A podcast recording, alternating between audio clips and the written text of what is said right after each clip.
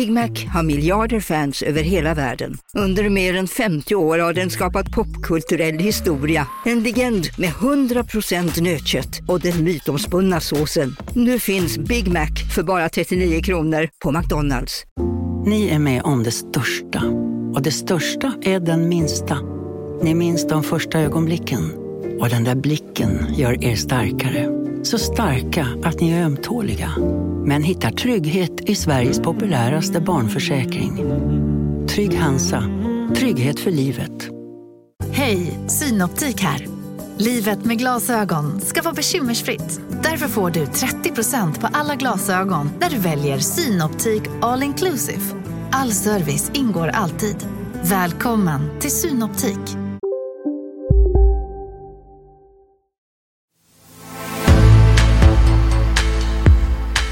Democracy is fragile. And at this hour, my friends, democracy has prevailed.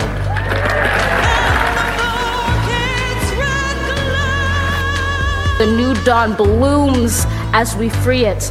For there is always light if only we're brave enough to see it. I, Kamala Davy Harris, do solemnly swear. I, Kamala Davy Harris. We love you. We will be back in some form. Once again, after four long years, Europe has a friend in the White House. Thank you, America.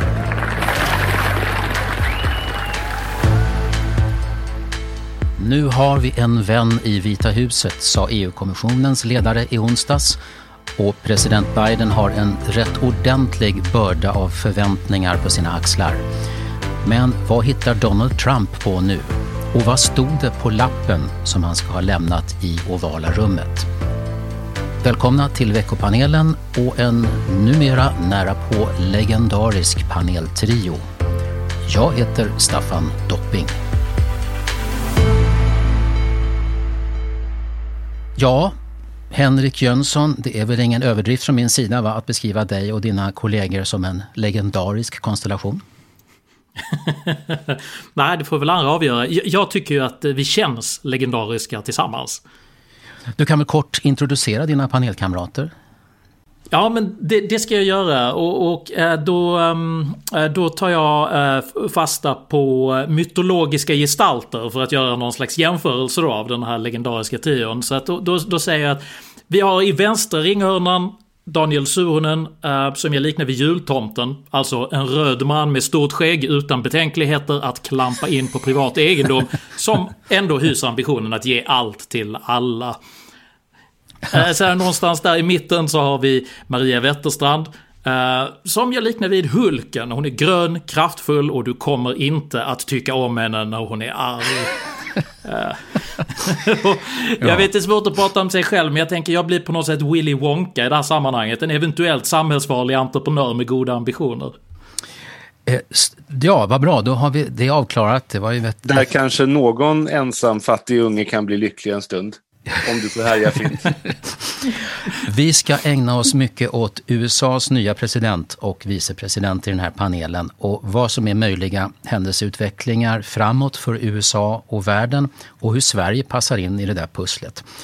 Eh, och vi ska lyssna på Joe Biden själv lite mer också, men allra först eh, era superkomprimerade reaktioner på presidentinstallationen i onsdags. Gärna tre ord bara, men högst eh, tio ord. Daniel Suhonen, kan du tala så kort? Det var lugnande att se USA i normalitet. Sen räcker inte det för att eh, stoppa nya Trump. Maria Wetterstrand? Enande, pragmatiskt, vagt. Henrik Jönsson? Jag håller mig då också till tre ord, så jag skulle säga förutsägbart, välskrivet, men innehållslöst.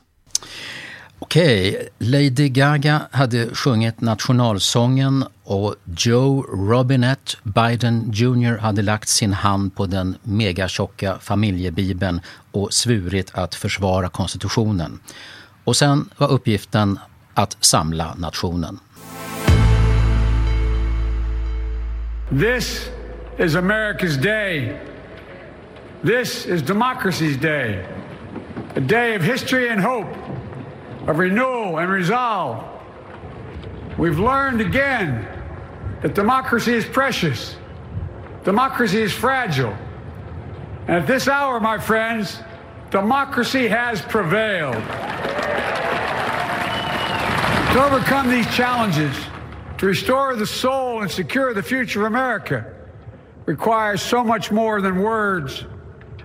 It requires the most elusive of all things in a democracy unity. Unity. Demokratin segrade, men demokratin är skör, sa Joe Biden i sitt installationstal. Maria Wetterstrand, hur skör är USA-demokratin? Jag känner inte en akut oro för demokratin i USA. Eh, jag ser det nog ändå som att de här våldsamma extremisterna som bröt sig in i Kapitolium är ändå en minoritet och en ganska liten grupp.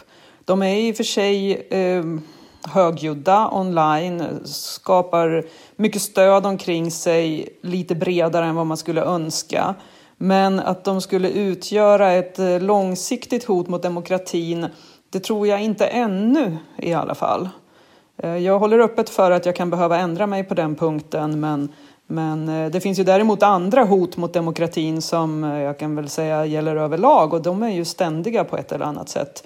Att eh, en demokrati måste ju uppfattas som legitim hos sina medborgare för att den ska eh, klara av att överleva i längden och eh, där är det ju en ständig ständigt pågående eh, kamp kan man ju säga för att se till att man har den legitimiteten.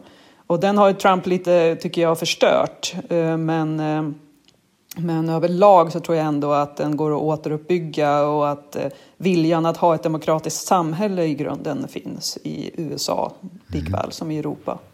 Mm. Henrik Jönsson, överdrev Joe Biden hur skört det var? i någon mån eh, så, så tror jag väl så här att de som är pro-trumpare, de, de talar ju om hur förfärligt allting kommer att bli nu. Att nu är demokratin hotad. Och, och på samma sätt eh, var det tidigare. Jag, jag, jag, tror inte att man ska stirra sig blind på vem som sitter som, som, som president. Alltså konstitutionen har en hel rad institutioner som håller presidenten i schack. Möjligen så är det väl så att president Trump hade ju media mot sig i stort. Och det tycker jag är en rätt bra grej. Biden kommer ju inte att ha media mot sig. Han har ju ett överväldigande mediestöd. mediastöd. Så att det och det faktum att han har, även har kongressen på sin sida gör ju att utrymmet till att navigera blir nu mycket större. Men nej, för att göra ett, ett, ett, ett, kort svar på, på din fråga. Jag tror inte att demokratin är så bräcklig eh, som folk tenderar att göra gällande. Mm. Vad säger Daniel Suhonen? Jag tror att demokratin är liksom en överenskommelse mellan medborgarna om att till exempel acceptera resultatet av ett allmänt val. Alltså, jag vill lyfta en annan fråga. Alltså, det som Trump med flera spelade upp, nämligen helt lösryckta och grundlösa påståenden, så vitt jag vet och så vitt alla vet, om valfusk i någon stor omfattning om det hade stämt, då hade ju den här typen av reaktion varit ganska rimlig. Alltså inte våld och döda poliser. Men om det var så att man stal ett val åt något håll i någon demokrati, då skulle ju i någon mening det här vara rimligt. Så att det här är ju en situation, det som hände vid Kapitolium och det som riskerar att hända på andra platser i USA, det har ju aktivt spelats upp av tunga eh, politiska företrädare för det republikanska partiet i det här fallet. Eh, och jag tänker att några saker. Det ena är att det som händer här, det som hände vid Kapitolium och det som kan hända i Sverige och som har hänt genom historien i Sverige, det är att den här typen av dolkstötslegender och mytbildningar och konspirationsteorier och annat, att det leder till politiskt våld. Alltså jag var lite orolig när jag, jag satt faktiskt och lite grann bet mig i tummen när jag satt och tittade på tv där. Eh, var det onsdags han sur sin? Jag kommer inte ihåg, mm. veckan har gått så fort. Eh, och att liksom det skulle hända någonting, att någon skulle skjuta honom eller att det skulle smälla av en bomb eller någonting. Alltså, jag var så himla glad att det där fick, fick gå igenom. Alltså politiskt våld, alltså, det räcker med en människa för att orsaka, orsaka väldigt stor skada på demokratin. Det var också det som kunde hänt i, i kongressen. Det var ju med sekunder i vissa fall tills de här våldsverkarna och samhällsomstörtarna som bröt sig in hade kunnat skada och mörda människor. Så att jag ska stanna, jag ska inte hålla en av mina vanliga monologer, mina rants här, utan som om det här var en amerikansk tv-kanal. Utan jag tänker att det är ändå så att högern har ett ansvar för den radikalisering man håller, med, håller på med. Och jag tycker att det liknar, utan att ha varit med då, ganska mycket, alltså ytterhögern idag liknar en hel del av liksom den yttervänster som fanns på kanske 70-talet i, i västvärlden. Alltså en revolutionär vänster, idag en revolutionär höger som vill störta samhället. Och det är mycket farligt.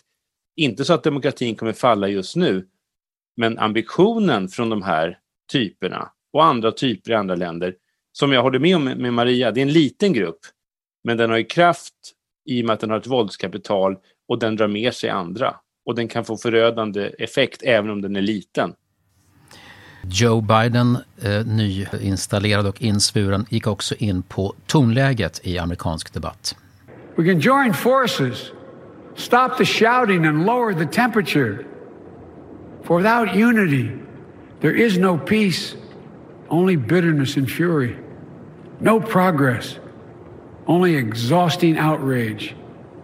No nation, only a state of chaos. This is our historic moment of crisis and challenge. And unity is the path forward. And we must meet this moment as the United States of America. Vad säger ni om eh, Joe Bidens tal? Henrik? Jag, jag gillar ju USA. Och Washington, Kapitolium, allt det där, det är liksom på något sätt nästan helig mark för mig. Jag, jag, jag tycker det är så här, jag får gåshud av sånt där. Och de amerikanska talskrivarna är mästerliga. Alltså de, de levererar den här typen av produktioner ehm, och de trycker på alla rätt knappar. Det är liksom som en riktigt bra Hollywood-rulle på något sätt när de levererar det. Så att eh, jag, jag tycker att själva, själva talet var som jag hade förväntat mig. E, extremt välskrivet, innehöll ungefär de nedslagen som jag hade räknat med. Att man försöker uppmana till någon slags läkande och, och liknande. Samtidigt om vi ska diskutera det här på, på en mer liksom, pragmatisk, realpolitisk nivå. Så, så vill jag nästan associera till Alfred E. Neumann, alltså den här Mad-killens gamla slogan. Snacka går ju. Jag menar, de där storvulna talen, det, det, är lätt att säga de här grejerna, men det är nog väldigt, väldigt svår uppgift. Att läka den ganska drastiska polarisering. För att jag menar, låt oss säga visst, democracy has prevailed. Men det var ju nästan jämnt skägg. Landet är uppdelat i två nästan lika stora bitar som tycker väldigt illa om varandra just nu. Och jag tror att det, det ska nog mycket till, mer än vad den här inauguration ceremony visade för att faktiskt läka ihop de två bitarna på något sätt. Jag tror inte det är någonting man snyter ur näsan alltså. Unity, Maria. Ja, det är ju lite kontrast mot hur Trump eh, brukar uttrycka sig. Det kan man ju konstatera omedelbart. Och eh, jag tror förstås att det är viktigt i det här läget att han har precis just den här attityden som han har eh, och pratar om, om enighet. Men om man ska göra det på riktigt så, så måste man också kompromissa politiskt. Man måste vara en pragmatisk politiker. Man kan inte gå fram med väldigt eh, kraftfulla politiska förslag som provocerar den här halvan av befolkningen som inte har röstat på honom. Och, och eh, det blir förstås en jätte, jättesvår balansgång för honom när det här kommer till praktisk politik. Därför att eh, å ena sidan så har han en, en vänsterrörelse som har jättehöga förväntningar på att han och Kamala Harris ska kunna genomföra reformer som verkligen eh, stärker de mest utsatta i samhället, som tar krafttag när det gäller klimatpolitiken, som eh, tar krafttag mot rasism och så vidare och så vidare. Eh, och många av de åtgärderna som de skulle behöva göra är ju av det slaget att de kommer att provocera den halvan av befolkningen som han nu pratar om att han vill ska, ska liksom vara enig med dem och som, ska, som de ska förenas med i kampen för ett starkt eh, USA och så vidare. Så att eh, i, i, praktiken så, så eh, kommer han att bakbinda sig själv lite grann genom det här talet för att det minskar hans eh, politiska förmåga om han verkligen ska leva upp till att han ska vara en president som representerar hela folket och inte bara de som har röstat på honom. Och då är frågan, vad vill vi att han ska vara? Ja, vi vill ju också att han ska vara en representant för de som har röstat på honom snarare än för hela folket. Därför att vi, vi alltså som jag och mina gelikar politiskt, eh, föredrar ju den politik som Demokraterna står för framför den som Republikanerna står för. Så frågan är hur mycket enighet det blir då i slutändan. Men, men om, om, USA är på väg att, att spricka i två delar och det finns en väldig massa förbittring, eh, resentiment som det talas mycket om nu för tiden, mm. Eh, då är det kanske viktigare att, eh, att Biden satsar på att försöka få in de där 75 miljonerna mm, ja, än, att, än att ha en politik som applåderas i Stockholm och Bryssel. Ja, ja men absolut. Och de är ju såklart mycket mer nationellt fokuserade. De bryr sig ärligt talat. Det finns ingen amerikansk eh, president som har brytt sig så fruktansvärt mycket om vad resten av världen Nej, tycker men jag tänker lite grann på våra förväntningar. Och, ja, ja, och i det här men... talet då, det är ju jättemycket ena, samla, tillsammans, respekt, ära och sanning och tro. Och ett installationstal i USA ska väl kanske innehålla allt det där. Men eh, Daniel, fanns det någon information i talet? Fanns det någon som säger någonting om hur och vad Joe Bidens USA kommer att bli? Bortom de här värdeorden som handlar mycket om känslor. Ja, nej men jag tycker att det fanns information liksom mellan raderna och, och, liksom, och det gör mig lite grann oroad. Jag tycker själv naturligtvis att det är härligt med Kamala Harris som är en eh, första kvinnan, den första svarta kvinnan, den första, eh, liksom, liksom hon har så många identiteter som är liksom nya. Och man lyfter ju fram dem otroligt mycket. Och hela det här artistpopperiet som vi kommer in på sen, det var ju också liksom ett mångkulturellt, liksom feminint, alltså jag blir glad av det. Jag är en humanist liksom, som, som tycker det är viktigt med de frågorna. Liksom. Men samtidigt tror jag att det finns en risk med den här typen av högersossar, i bästa fall, i mitt perspektiv, högersosse, i värsta fall någon sorts liksom, eh, tork, förtorkad liberal som Biden är. Han är väl någon sorts, liksom, det är som om Kjell-Olof Feldt skulle blivit liksom, statsminister i Sverige. Det är väl ungefär den liksom, inriktningen som han har. Ganska mitten, högerinriktad, har gjort massa misstag genom historien, men är rätt vettig och, och bättre än många andra. Och då blir det här att risken är ju liksom att i den här, alltså så här, utmaningarna för USA, de här kriserna som man talar om och pekar ut, de är mycket stora. Vissa av dem kräver omedelbar action. Liksom. Samtidigt då så har han en kort tid när han har sitt liksom, mandat. Men jag menar, det är kongressval om två år. Och den här liksom, majoriteten kan ju då, då sjunka ihop, så att säga, eller försvinna. Den är mycket skör, den i senaten. Så det finns ju stor risk att, att han tappar det. Så han har ju bråttom om man vill göra tunga saker. Eh, och, och, samtidigt har han då den här balansgången att han ska försöka få med sig republikaner, där en stor del av republikanerna har ju under de sista åren visat sig vara relativt också radikaliserade. Och många som har kommit in är ju tokstollar i någon De här Canon-kandidaterna som liksom tror på en, en liksom att, att världen styrs av, om inte ödlor, så liksom en, en pedofilring. En judisk pedofilring. Det är liksom helt sjukt det de sitter i kongressen, de sitter liksom i tunga myndigheter. Alltså han har en mycket svår situation. Jag tycker så här, och det är liksom mitt reformistiska arv, Jag tror att det får inte bli för mycket eh, dalt heller med de här eh, högerkrafterna. Utan om han är demokrat och vill liksom ha Roosevelt som ideal, då måste han ju bearbeta och ta chansen nu när han är, har mandat och en majoritet att göra förändringar till exempel en sjukförsäkringsreform, förbättringar, minimilöner. Alltså, det är ju kraftfulla reformer som bitvis skulle kunna förbättra situationen för den här arbetarklassen och de här männen och liksom småfolket i USA. Dels de som har röstat på honom, men också de som inte har röstat på honom. Han är ju ute efter att nå alla de som, som är ändå där någonstans, lite närmare mitten. Eh, och som kanske röstar på, på Republikanerna men som inte har så mycket till övers för Trump eh, Eh, och som inte har någonting till övers för de här som stormade Kapitolium. Eh, och, och, att få dem att känna för honom som president och respektera det uppdrag som han uppfattar att han har.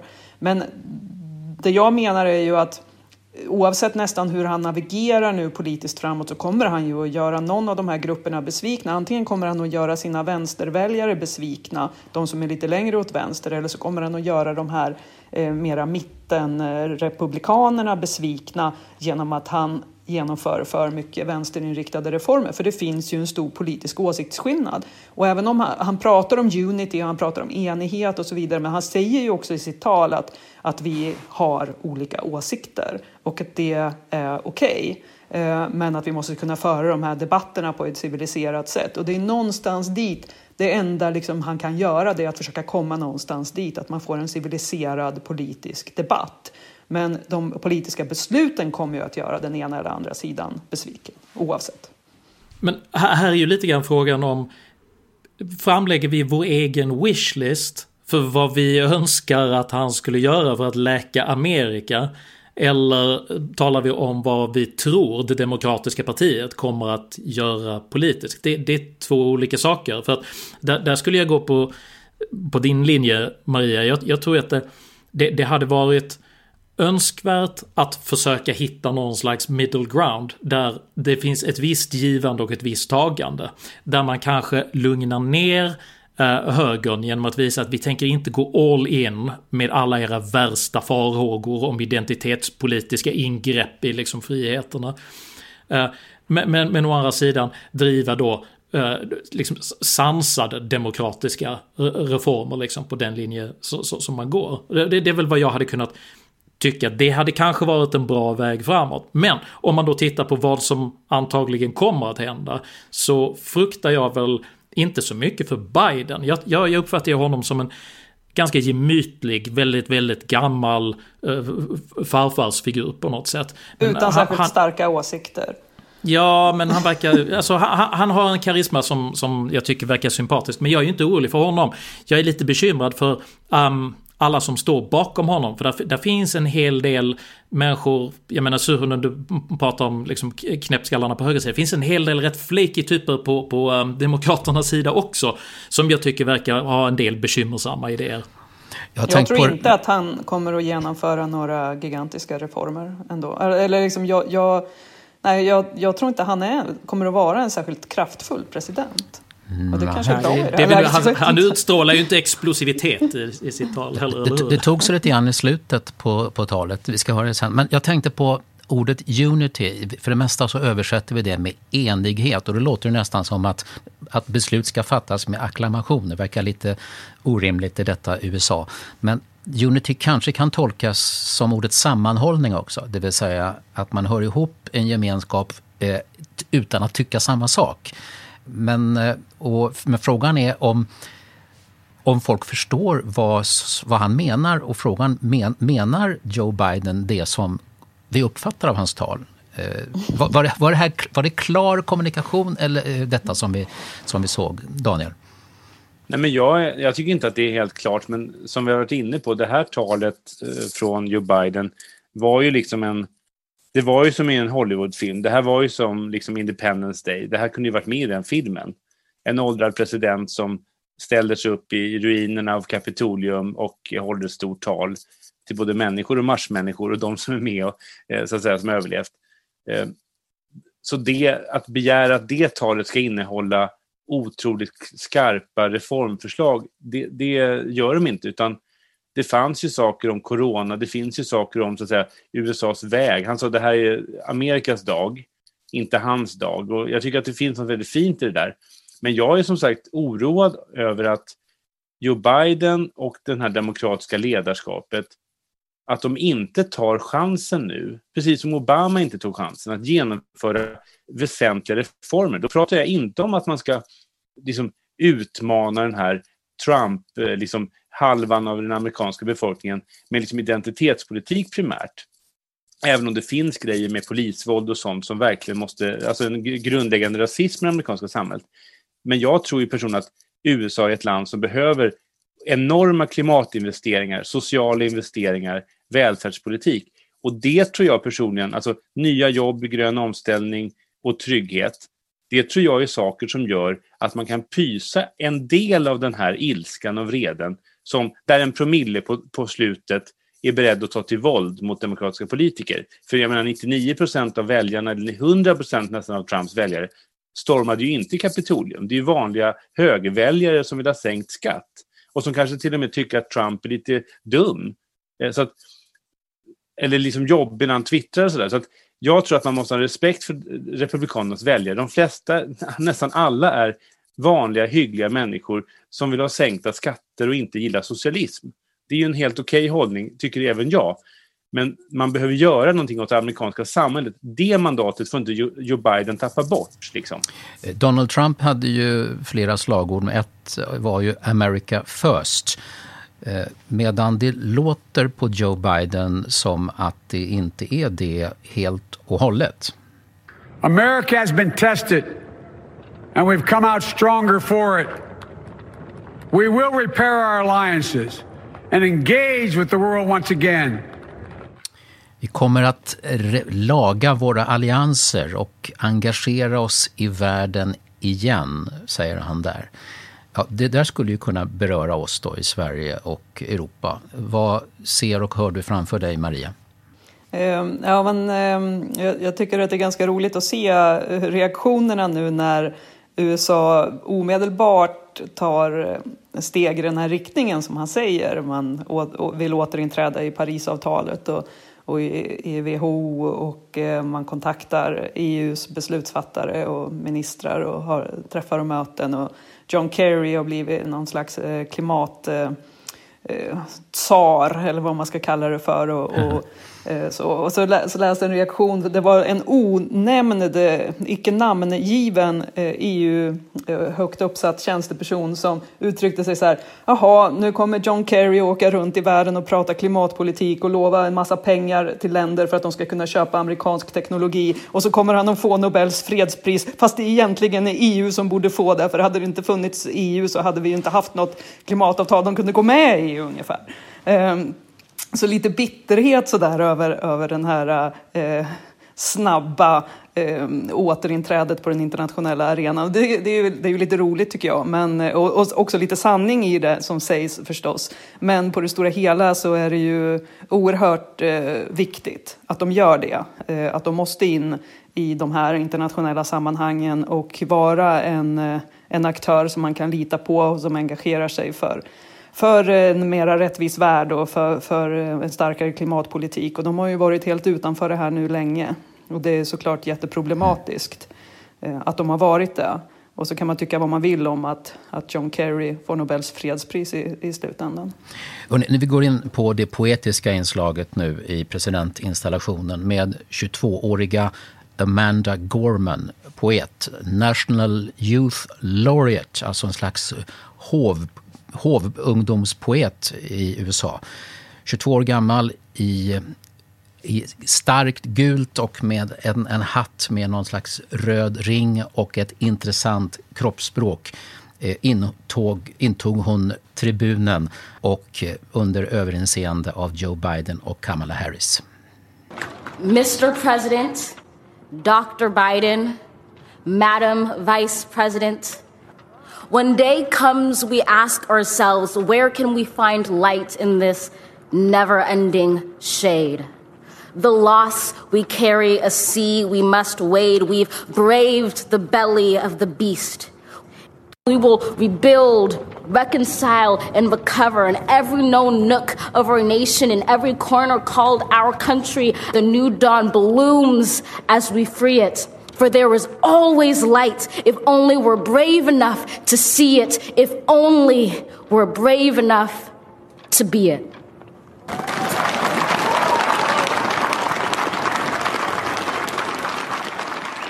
Amanda Gorman lär ha tankar på att själv försöka bli president i USA 2036. I, idag är hon 22 år gammal. Vad säger ni om hennes framträdande och budskap? Jag tyckte det var fantastiskt. Eh, jag älskar ju poesi, liksom har ett förflutet på ABF och har ordnat väldigt mycket både vanliga, alltså litterära diktuppläsningar med författare och poeter och även under några år så ägnade jag mina söndagar åt stand-up, alltså stå upp poesi poetry slam som jag var arrangör av, inte poesiuppläsare. Så att man hör ju den här, jag påmindes om och påminns nu också när vi hör det här, den här kraften och vitaliteten som finns i sån här poesi. Det var en otroligt vacker dikt och jag läste lite artiklar om det där sen. Hon har ju också inspirerats och liksom läst på om Lincoln och Martin Luther King och, och andra då eh, stora politiska frontfigurer som har stått på demokratins sida i USA. Så hon skrev om den här också. Tal. Under attacken mot Kapitolium så ja. skrev hon in en massa saker och ting. Och The Hills We Climb är ju mm. rubriken på det hela. Vad säger Det är underbart tycker jag. Henrik och Maria? Alltså, jag... Ähm, jag tänker inte ge mig på en, en ung person för att att hon har tagit sig dit hon har gjort och, och liksom fått göra en sån här grej är imponerande och coolt och jag utgår från att hon är superduktig. Jag är också en, en, en ganska stor lyrikvän. Jag upp, uppskattar eh, poesireciteringar etc. Men ju, just i det här eh, fallet så ställer jag mig lite frågande till de vuxnas omdöme då som bygger det här. För jag, jag, känner ju att det här är en form av ideologisk kitsch på något sätt. Alltså det blir en vurm här. Hon, hon är ju på något sätt slags en poesins Greta Thunberg-gestalt här på något sätt. En, en, ung kvinna som är en projektionsyta då för en massa, massa förhoppningar som vux, vuxna människor lägger in på henne och, och tänker att hon är framtiden då på något sätt. Men, men rent pragmatiskt så vänder jag väl mest mot en, en, en bit i hennes dikt som går så här. We've seen a force, och nu ska jag läsa den på det där Poetry Slam staccato-sättet som hon har lärt sig från YouTube också då. Spoken liksom word heter det ibland we, också. We have seen a force that would shatter our nation rather than share it, would destroy our country if it meant delaying democracy. This effort very nearly succeeded. Okej, okay. det där går ju faktiskt stick i stäv med ambitionen att leka. För att det, eh, lä, läka ihop nationen. Om, om, om Biden pratar om coming together as a nation, unity. Hon pratar ju om Trump här.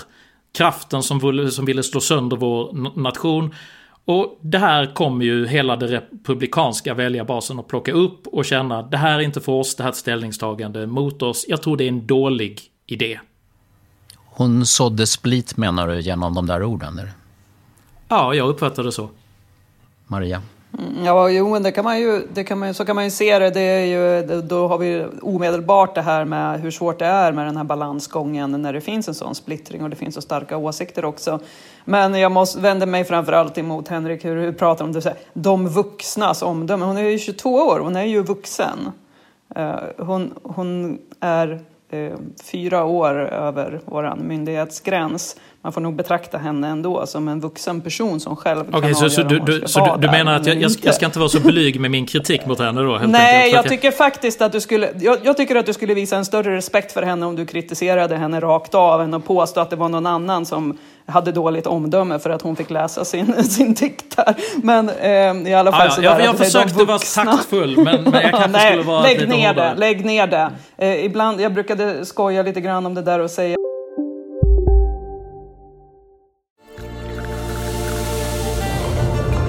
Välkommen till Maccafé på utvalda McDonalds restauranger med Baristakaffe till rimligt pris. Vad sägs om en latte eller cappuccino för bara 35 kronor? Alltid gjorda av våra utbildade baristor.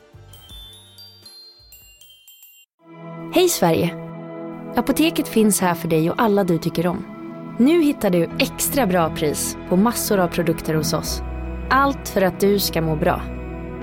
Välkommen till oss på Apoteket. Okej hörni, gänget! Vad är vårt motto? Allt är inte som du tror. Nej, allt är inte alltid som du tror. Nu täcker vårt nät 99,3 procent av Sveriges befolkning baserat på röstteckning och folkbokföringsadress. Ta reda på mer på 3.se eller i din 3-butik. När jag var en ung politiker, då, jag var ju 27 år när jag blev vald till språkrör i Miljöpartiet, att, att eh, jag önskar att de kunde vara lika elak mot mig som de kunde vara mot min eh, språkrörskollega Peter Eriksson. För det är ju så de visar liksom, respekt Ja, för ja. Det du eh, klappar på huvudet position. ganska länge med andra ord. Jag tycker att, eh, att eh, man ska visa henne den respekten. Att man kan faktiskt kritisera henne och jag är helt säker på att hon kan ta det. Och jag tror inte bara heller att hon har lärt sig hur man läser dikter på Youtube som du säger. Hon har säkert ägnat sig åt det här ganska länge om hon har fått möjligheten att läsa på det här Det är stället. inget fel på YouTube. Jag älskar YouTube. Men Nej, vi tycker ändå men- att det är lite sunkigt med YouTube, Henrik. Nej. Nej, men jag tycker ändå så här, men sen kan man väl se det lite med ett lite större perspektiv också. Jag tycker att det är, det är ju spännande att se hur kultur eh, ändå har en kraft. Alltså vilken kraft det finns i kulturupplevelser eh, som också kanske har en politisk koppling. Och jag tycker att kulturen eh, nu för tiden är ju ganska opolitisk i många fall. Och det är ju lite roligt tycker jag ändå att man återuppväcker eh, politisk poesi. Hon hade ett mycket intressant kroppsspråk tycker jag. Det var nästan så att hon hade en slags balettrörelse med händerna Eh, plus det här eh, rytmiska. Jag tycker att en del politiker ska kunna inspireras när det handlar om att faktiskt kunna använda en skriven text. Jag ser ibland på direktsändningar från Sveriges riksdag när det är interpellationsdebatter och såna här saker. Eh, det är, jag blir mörkrädd när jag ser faktiskt hur dåliga framträdanden det är ibland. Nej, men, jag- alltså, jag vill ändå säga att jag tycker så här, jag håller med om att det var ju liksom, på det sättet är hon ju en junior person. Alltså hon, hon är ju, jag håller faktiskt med Maria om att hon är ju vuxen och hon får stå för sina ord. Eh, sen är hon ju inte otroligt erfaren eftersom hon är relativt ung. Och det fanns väl ett liksom, ungefär som Joe Bidens tal, fast han då är 50, 50 år äldre drygt, att det fanns liksom en liksom storvulenhet, bombastiskt språk. Men det, det kan man också säga att den här situationen, den här platsen, det här ögonblicket kan ju tillåta det. Liksom. Eh, Men hon har ju absolut en otrolig förmåga att, liksom, alltså, eller poesi har en förmåga att, liksom, precis som Maria säger, vara ett politiskt form, att forma tankar, känslor. Eh, Och jag tyckte hon, jag skulle vilja se det här i Sverige, att man släppte fram eh, poeter och musiker att, att tolka. Eh, Det görs väldigt lite. Nu är det corona så det är inga möten som genomförs, men det betyder väldigt mycket. Det gör liksom tanken större. Några Maud, här, äh, jag, minns att Maud Olofsson, jag minns att Maud Olofsson läste en dikt en gång. Ehm, på, det var på en eh, småföretagarkonferens där hon var talare och där jag också skulle prata sen lite senare. Och eh, hon höll någon slags inledningstal och sen så, så ehm, mot slutet av talet så nu ska jag läsa en dikt och då kände jag lite så här, ja men nu måste jag plocka upp skämskudden någonstans och gömma mig bakom den. Men det visade sig att det fungerade riktigt bra faktiskt. Hon gjorde det jättebra och det var en jättebra dikt om, ja men om, ehm, jag vet inte, entreprenörskap liksom som drivkraft för förändring och så här. Jag vet inte vems den var, det var Hade inte hon hennes egen. själv också? Nej, nej, det var inte hennes egen dikt, det var någon annans. Men, Maria, men du- eh, det du- fungerade förvånansvärt bra du- faktiskt. Du kanske kan äh, rappa om typ grön skatteväxling nästa gång vi kör den här podden. Alltså det är verkligen inte min grej. Eh, Vare sig att läsa poesi eller, eller rappa eller sjunga Det- för den delen. Men jag är glad när andra människor har några kulturella kompetenser. Jag kommer att tänka på Torbjörn Fälldin, för jag har ju så långt minne och eh, han gillade ju sånt där. Och jag för mig att, var det inte Birger Norman som var hans eh, hovpoet, National Laureate? Några ord om Kamala Harris som också svor eden att bli vice. Hon höll ju inte något tal ju och eh, dessutom var hon var inte ens, hade inte ens en egen mikrofon där. Man hörde knappt vad hon sa när, när hon sa I Kamala eh, Harris, do solemnly swear. Men vad anser ni om, om vad hon kommer spela för roll nu den närmaste tiden? För att hon lär väl synas mer inom kort än, än hon gjorde i onsdags. Henrik?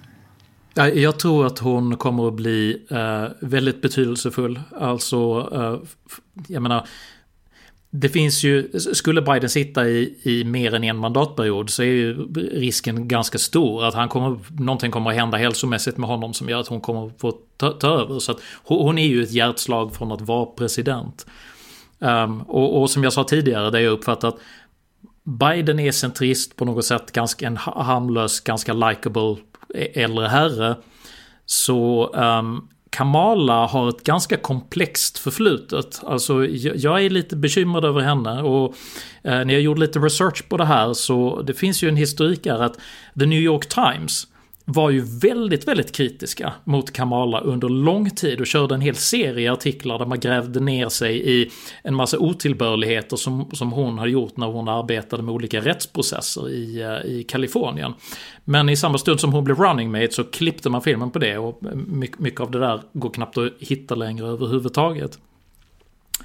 Så, så, så det är den där biten att eh, det, det, det, finns historiska rapporter som tidigare eh, liksom lyfts fram att, att hon kan vara ett ganska taggigt, taggigt instrument som skapar rätt mycket fiender. Det är uppenbarligen det som har, som har hänt i hennes tidigare karriär.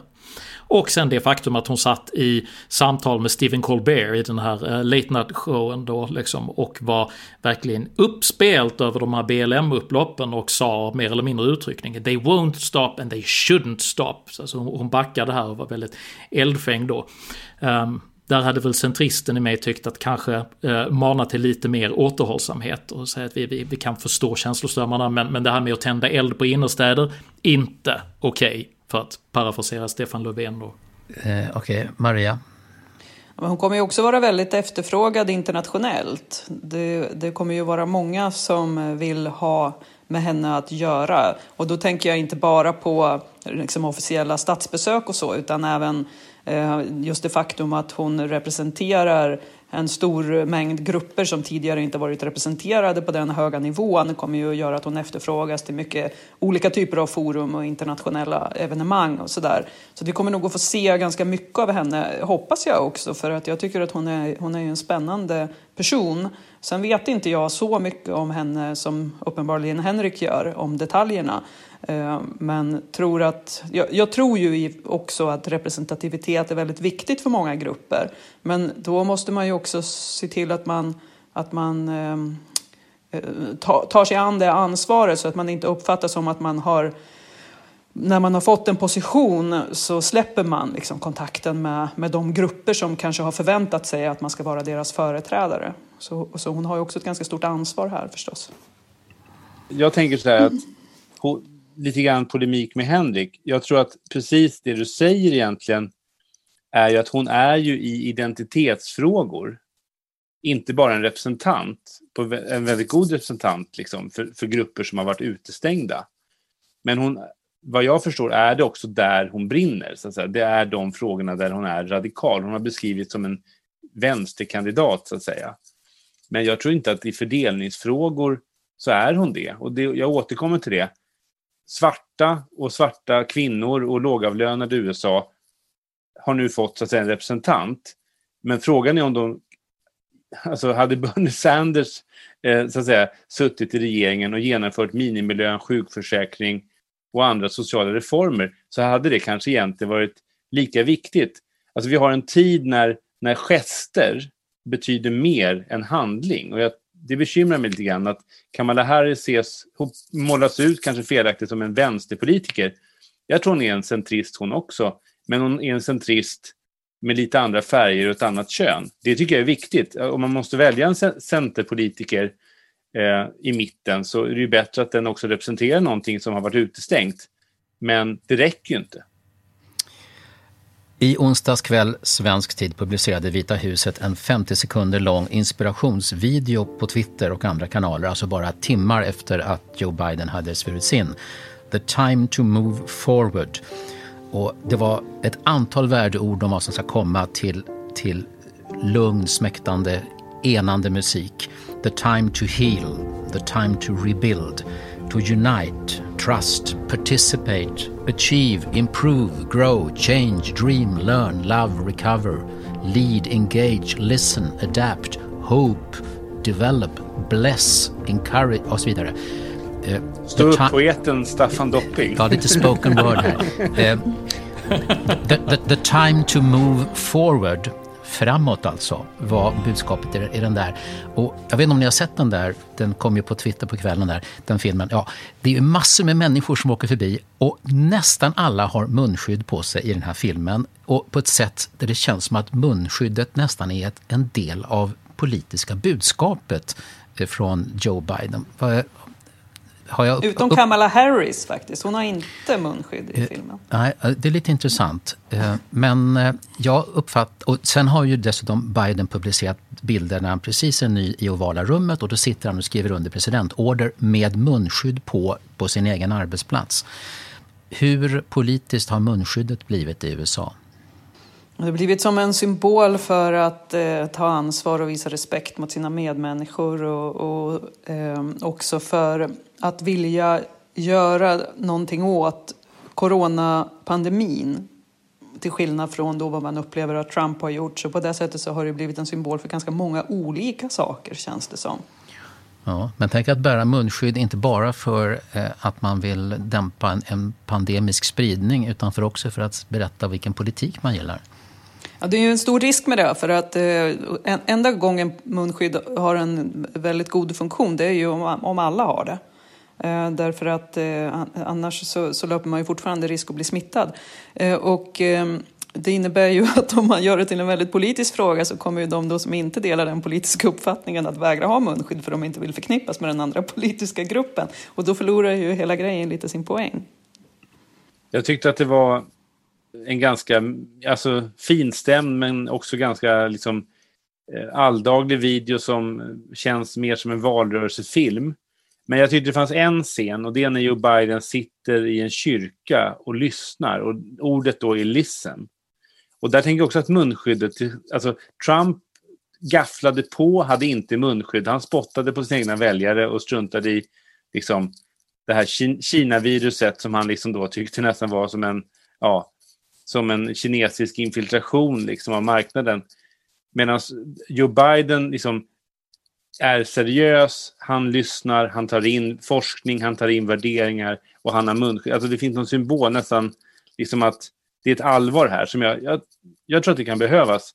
Jag tror att munskydd i vissa lägen är väldigt bra. Jag tror inte att det är, om man tar, vi har en svensk diskussion om detta också. Men det är uppenbart att i USA är det väldigt då, upp, alltså, beroende på vilket parti man röstar på så ser man olika på pandemin, behovet av nedstängning, åtgärder och munskydd. Det är ju ganska oroande liksom att den typen av grejer, typ ska du tvätta händerna eller inte, att det är en partiskiljande fråga. Det säger ganska mycket om, jag gillar inte det här ordet polarisering, men det säger någonting hur liksom uppdelat ett land är. Man är inne i olika bubblor.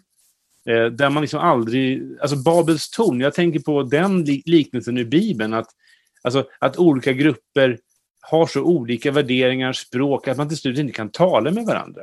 Alltså det är den, liksom, det, den avgrundsklyftan som jag ser framför mig här. Henrik? Man ska ju minnas att mun, just munskyddsfrågan i USA har blivit en divide också på grund av att den frihetliga högern, de vill inte ha myndigheterna i sina liv. Så att de motsätter sig rent ideologiskt att Washington ska säga att ni ska göra så här. Du som amerikansk medborgare måste bära ett munskydd. Du som amerikansk medborgare får inte lov att ha din business öppen. Du som amerikansk medborgare får inte lov att ha en barbecue med dina kompisar för ni får inte lov att träffas. Jag tror inte att svenskar i allmänhet kanske tar in vilket övergrepp um, den, den, den um, amerikanska högern uppfattar det här som. Eh, det, här är människor som liksom kanske har haft som hobby att, att vara med i någon liksom så här lokal hemvärnsförening för att man liksom gillar och äh, eh, tänker att vi kom, kommer Washington hit så ska vi stå upp för det fria Amerika. Liksom. He, hela den kulturen är extremt svår för svenskar att, att ta in. Sen så ska man samtidigt då liksom titta på det här med munskydd jag har ju själv varit en försvarare av munskydd i Sverige trots att jag är libertarian helt enkelt. För jag, jag, tycker det är viktigt att vi måste försöka ta till alla medel för att tackla den här jäkla pandemin på, på, på riktigt. Um, men Trump fick ju en av sina tweets, en av de tidiga tweetsen som, som faktiskt blev censurerad. Det var ju för att han, han spelade ner munskyddens betydelse. Och det ansåg Twitter vara så allvarligt så att det här blockerades och liksom tillfogades med olika typer av varningar. Och jag, jag, jag satt och tänkte då i mitt stilla sinne, har ni hört talas om han Tegnell? Alltså för om vi talar om att spela ner munskyddens betydelse. Mm, Daniel? Alltså jag, jag tänker att, att vi svenskar på det sättet, fast vi då kanske i kulturell, sociokulturella värderingar är liksom mer demokrater. Alltså mainstream i Sverige är liksom mer till vänster, mer liberalt, mer Henrik än det är liksom eh, Trump.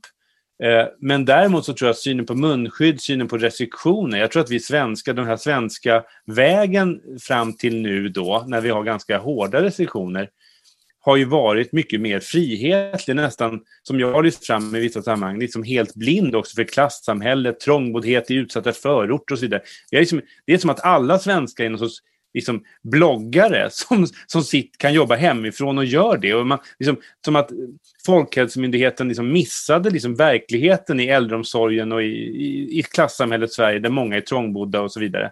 Och i kollektivtrafik, för de har ingen bil. Det är inte en hipstergrej, utan de har ingen bil och de har ett jobb.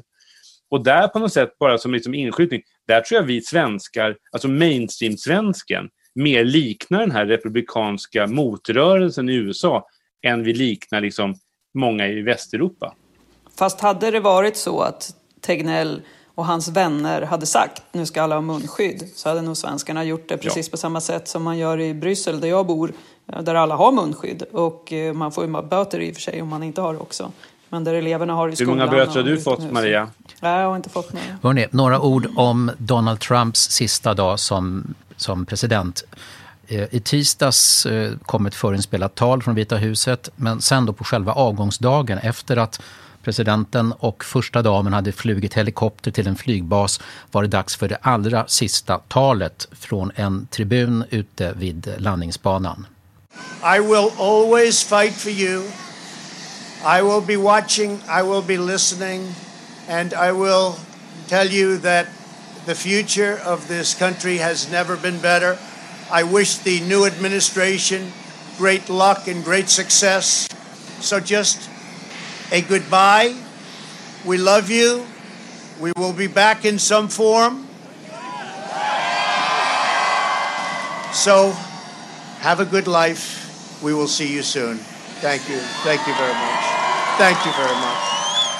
Ja, vi kommer tillbaka i någon form, sa Donald Trump till jublande anhängare på Joint Base Andrews. Innan dess hade han lyckönskat Bidens administration utan att nämna Biden vid namn. Och sen så började man spela YMCA med Village People då, medan Trump med fru skulle gå till Air Force One för sista gången. Vad säger ni om Trumps sista offentliga framträdande som president och vad vi fick veta då? Henrik? Alltså det var ju ganska roligt. Alltså han... Jag menar, jag har en soft spot, jag menar, man kan nästan inte säga det i Sverige för att antipatin är så himla stor mot Donald Trump. Men jag har en soft spot för hans showmanship. Och jag menar, om man, om man kommer från näringslivet som jag gör så är man ganska van vid den där typen av figurer. Man kan tycka vad, vad man vill om, om de ska sitta på den absolut högsta makten i världen. Men den där typen av liksom lite halsstarriga eh, silverrygg-gubbar som liksom kör sitt eget race. Eh, det, det, finns det ganska många av liksom. Så jag känner igen en del av det där. Och han har liksom regisserat den här scenen med, med sitt farväl visuellt jäkligt noggrant. Hur, hur det skulle stå, hur musiken skulle spela och sådär. Och den där typen av showmanship liksom, det, när han pratar, för de hade ju skrivit, liksom hans assistenter hade förberett en massa material som han skulle säga som sina sista ord. Alltså han strök allt det och de fick skruva ner telepromptarna för att han sa nej men jag, jag kör det här själv ändå.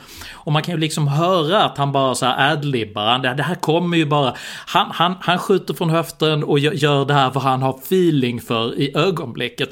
Så det här med att we will be back, antagligen kände han det precis då. Att det behövde sägas där liksom för att han skulle göra rätt, rätt intryck. Och jag kan tycka att det är lite kul. Jag hoppas att han startar någon jäkla vansinnig mediakanal eller någonting. Alltså så att, så att no, no, någonting mer händer. Det, det, det, tycker jag kan vara bra. Sen, sen så är jag väl på ett sätt glad att eh, han inte skapade någonting ändå mer ovärdigt än allt det kaoset som redan har hänt. Som jag faktiskt tycker är för jäkla destruktivt och, och kaotiskt. Eller så kanske han menade att det ska bli ett nytt politiskt parti så småningom, Daniel. Ligger det i, i korten?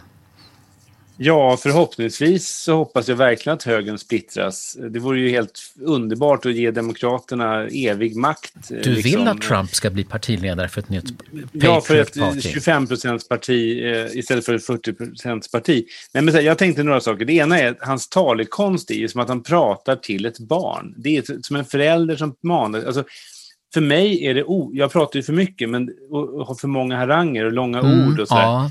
Men det, ja, säger, nickar programledningen här. Mm. biter på naglarna och biter hår på knogen. Eh, och, och drar ur jacket. Nej, där drar vi gränsen. Men, men det är otänkbart på något sätt att prata på det här sättet. Att prata på det här sättet till människor.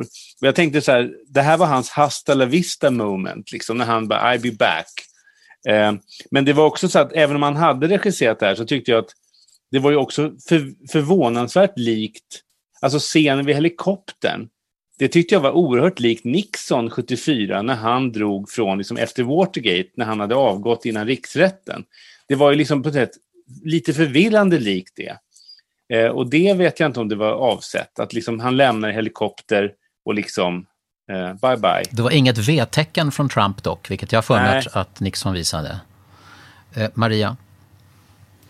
Men jag tycker man, man, man kan bortse från det där talet och den där musiken och allt sånt. Han betedde sig som en tölp, en usel förlorare och väldigt, väldigt ovärdigt att inte vara med på den nya presidentens installation. Jag tycker det, det, eh, ja, det säger allt om honom, tycker jag om hur, hur han är som, som person. Och det finns ingenting jag kan känna respekt för. faktiskt. Han har brutit mot många regler, eh, Donald Trump, och struntar i konventioner. Men han följde faktiskt tydligen en, den här nämligen att en avgående president ska skriva handskrivet då, ett, ett, ett, några ord på vägen till sin efterträdare och lämna det i det där fantastiska monumentala Resolute skrivbordet då. Och det gjorde Trump tydligen. Och Biden har sagt att han har fått ett mycket generöst budskap på den här lappen. Men vad det, det, det, det, det är privat. Han fick rabatt på Trump Hotel under sina resor världen runt. Ja, Okej, okay. det, är, det är Daniels gissning på vad som står på lappen. Maria, vad tror du att Trump skrev där? Alltså vad du tror att han skrev? alltså på riktigt? Ja. Uh, jag, uh, take care of my people. Eller uh, så var det också bara att han ville att Biden skulle ta hand om hans krukväxter. Det, det är lite oklart vilket. Henrik? Alltså den, den här typen av silverryggsgubbar då som jag refererar till från, från, från näringslivet. När de är privata, som på en privat lapp, så kan de vara mycket mer sansade i allmänhet i min erfarenhet och liksom faktiskt bara säga att du, eh, kul att du ska ta över skutan, lycka till, här har du liksom ett par pointers från mig, alltså jag hoppas att allting ska gå jättebra. Medan utåt mot en publik, det är då allting är liksom show för att det är så mycket eh, liksom e-, ego och showmanship och vinnarskall inblandat i det där. Så att han, han skrev antagligen någonting helt sansat, hederligt, positivt som, som en gubbe till en annan gubbe skulle, skulle göra i en sån situation situation. Alltså jag tänkte på en sak att när... Alltså igår så kom jag in efter en liten promenad eh, på eftermiddagen och eh, var blöt om fötterna för det hade smält och regnade här i Stockholm. Och så fick jag någon sån här flash om något skittråkigt uttalande av Joe Biden och så tänkte jag, fan jag saknar nästan Trump. Och då, det vill jag liksom inte, jag vill inte bli citerad om detta, men då tänkte jag så att man brukar prata om post-presidential depression, alltså att den som har varit högst uppsatt politiker, jag tror Maria kan vittna om detta, eller liksom så, de som har haft de här toppjobben och så plötsligt stiger de av och är man 75 bast så kommer man inte få ett nytt toppjobb förmodligen. Om man inte blir tak, eh, pratshowvärd eh, liksom i Fox News eller någon nystartad kanal. Men liksom, han kommer ju aldrig överträffa det han har gjort hittills. Och det brukar då beskrivas som en depression. Men nu känns det som att medievärlden, den politiska världen, vi kommer drabbas av en stor post-presidential depression. Där vi liksom, även om vi inte gillade Trump, många av oss, de flesta kanske, så kommer vi liksom sakna det. Det har ju fullständigt, att man kunnat ha följt detta dygnet runt i fyra eller fem eller sex år. Det är ju obeskrivligt. Det är som ett världskrig att ha haft med Trump att göra. Han kommer lämna ett stort tomrum efter sig, även bland oss som är väldigt glada och håller med Maria om att han är en fähund. Det blev i alla fall inga oroligheter i USA, vad jag vet, i anslutning till installationen och president Biden avslutade sitt tal vid Kapitolium med heligt löfte om att försvara demokratin och bidra till en amerikansk berättelse om hopp, kärlek och godhet. My fellow Americans, I close the day where I began with the sacred oath. Before God and all of you, I give you my word. I will always level with you. I will defend the Constitution. I'll defend our democracy. I'll defend America. And I'll give all, all of you keep everything you, I do in your service, thinking not of power, but of possibilities, not of personal interest, but the public good. And together we shall write an American story of hope, not fear, of unity, not division, of light, not darkness, a story of decency and dignity, love and healing, greatness and goodness. May this be the story that guides us, the story that inspires us, and the story that tells ages yet to come that we answered the call of history. We met the moment. Democracy and hope, truth and justice did not die in our watch but thrived.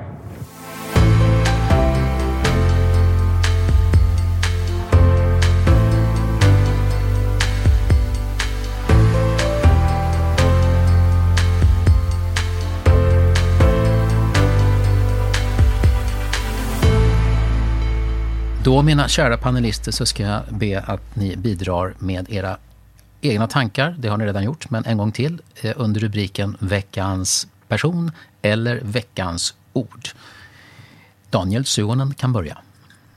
Veckans person tycker jag är Arvid Lindman, ständigt aktuell gammal högerledare.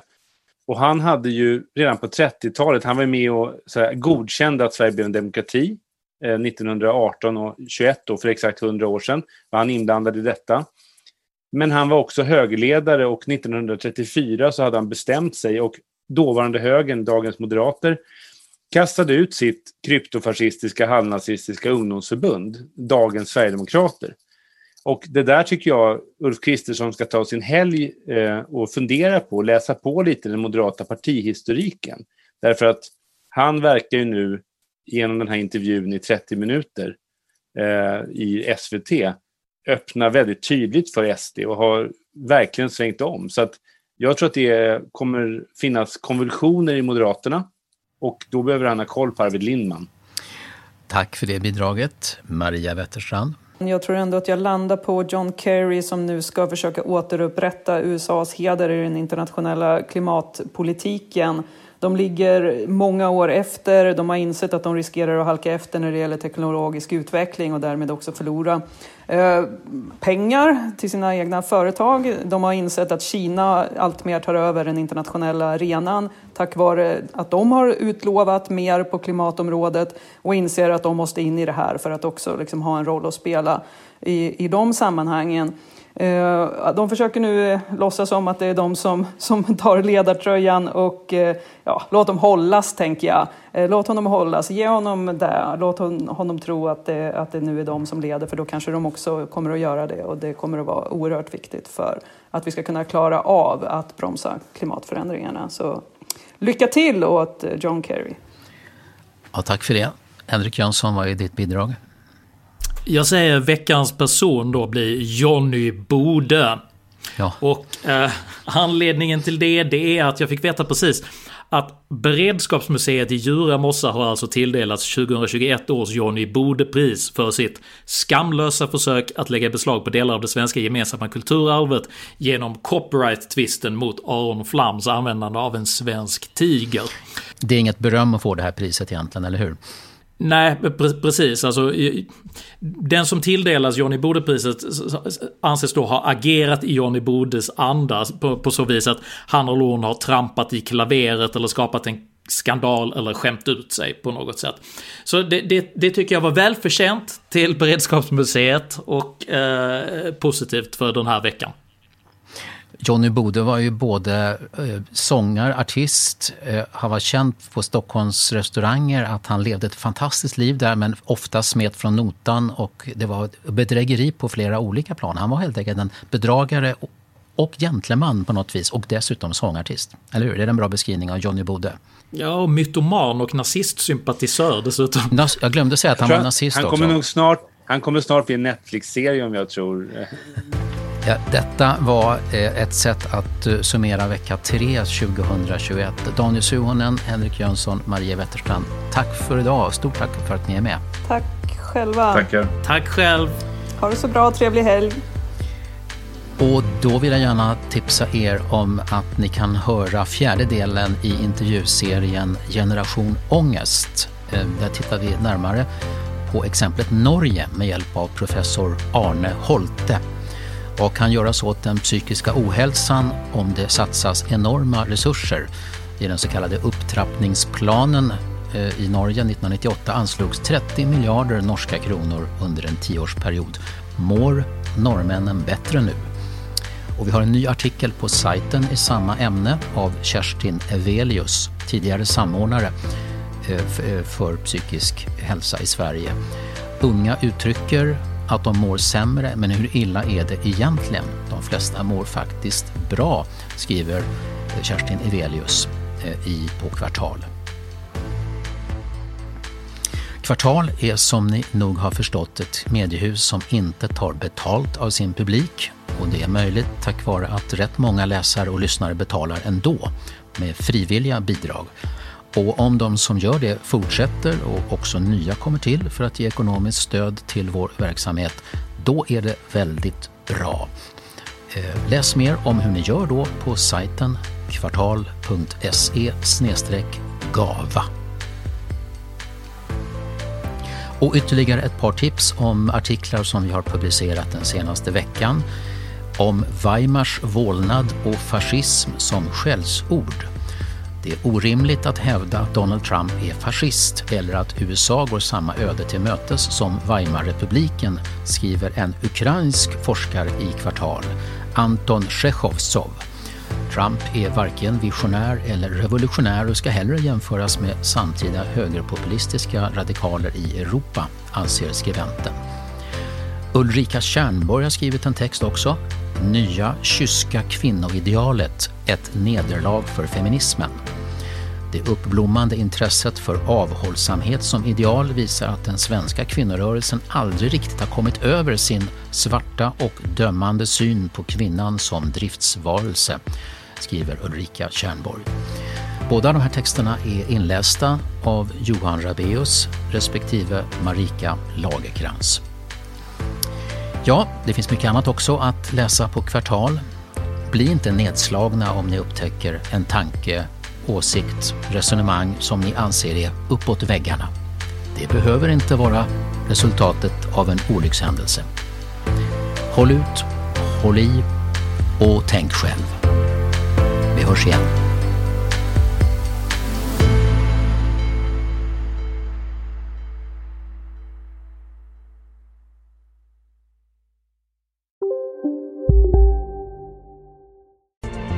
Kurrar i magen och du behöver få i dig något snabbt? Då har vi en Donken deal för dig. En chicken burger med McFeast-sås och krispig sallad för bara 15 spänn. Varmt välkommen till McDonalds. Hej, Susanne Axel här. När du gör som jag och listar dig på en av Krys vårdcentraler får du en fast läkarkontakt som kan din sjukdomshistoria. Du får träffa erfarna specialister, tillgång till lättakuten och så kan du chatta med vårdpersonalen. Så gör ditt viktigaste val idag, lista dig hos Kry.